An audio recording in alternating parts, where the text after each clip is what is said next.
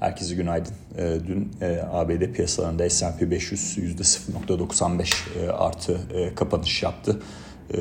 Sektörel dağılıma baktığımızda en iyi sektör zorunlu olmayan tüketici ürünleri olurken en kötü sektör sağlık ve altyapı oldu. Genel olarak işte riskon yapısının oluştuğu bir sektörel dağılım söz konusu. Dün e, FED tarafı önemliydi. Mayıs ayı e, tutanaklarında e, gördüğümüz şey şu oldu. Önümüzdeki iki bas puan, önümüzdeki iki toplantı özür diliyorum. 50'şer bas puanlık artışlar söz konusu. Uzun yani yıl sonuna kadar Fed'in politika faizinin natürel oranının üzerine çıkması natürel olan Mart ayında 2.40 olarak tahmin edilmişti bunun üzerine çıkması e, konuşuluyor ve konuta dayalı e, sektör, e, konuta dayalı tahvil e, tarafında azalım e, kısmı o kadar da e, piyasayı bozmayacak şekilde e, gerçekleştirilmesi planlanıyor anladığım kadarıyla. Çünkü e, direkt piyasaya e, satış e, söz konusu olmayacak en azından yakın vade için. E, dünkü risk algısını toparlayan şeyler neydi derseniz e, herhangi bir resesyondan bahsedilmemiş 75 e, bas puanlık artışa dair herhangi bir sinyal yok ve likidite koşullarından bahsedilmiş. Bu ne demek oluyor? Eğer önümüzdeki iki toplantı Mayıs ve Haziran toplantısında enflasyon tarafında özellikle çekirdek enflasyon tarafında gerileme devam ederse e, uzun vadeli enflasyon beklentileri e, gerileyeceğinden ötürü e, Fed'in sıkılaşma döngüsünde daha şahin olmayacak bir yapı hatta belki likidite koşulları düşünüldüğü takdirde e, yani iki faiz iki tane 50'şer bas puan artıştan sonra belki bir e, işte e, bir toplantı duraksayıp e, gidişatı görmek gibi e, gibi durumlar söz konusu olabilir. Özetlememiz gerekirse Mayıs ayı tutanaklarına baktığımızda e, daha şahin e, bir detay göremedik. E, hatta daha güvercine e, dönüşebilecek ileriye dönük düşündüğümüzde şu anda değil. Bu önemli bir ayrıntı. Şu anda hala e, oldukça şahin bir FED söz konusu ama önümüzdeki dönemde belki daha piyasalar açısından rahat nefes aldırılabilecek, alabilecek bir FED karşımıza çıkabilir.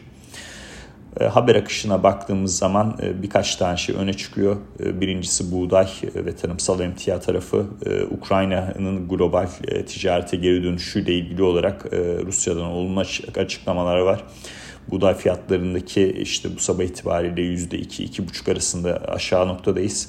Eğer e, orada e, Chicago'da trade eden'den bahsediyorum şu anda 11 dolar seviyesinin altında bir e, kapanış yaparsak bizi 9,5 dolarlara kadar aşağı doğru inmemize sebep olabilir.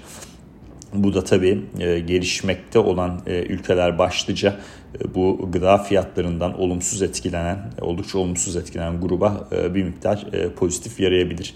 Türkiye'de global bazda dünyanın en büyük üçüncü ithalatçısı buğday, buğday tarafında. Çin tarafından açıklamalar var. Çin'in işte ikinci çeyrekte ekonomisi ve ekonomik büyümesiyle ilgili e, olumsuz e, görüşler giderek artıyor. Özellikle Nisan ayı e, perakende satışlar ve endüstri üretim, verilerinden sonra e, ekonomi tarafındaki e, işte yüksek e, derecedeki e, politbüro e, üyelerinin yaptığı açıklamalarda e, özellikle dün bir tanesi çok konuşuldu zaten ekonomiyle ilgilenen e, kişi olarak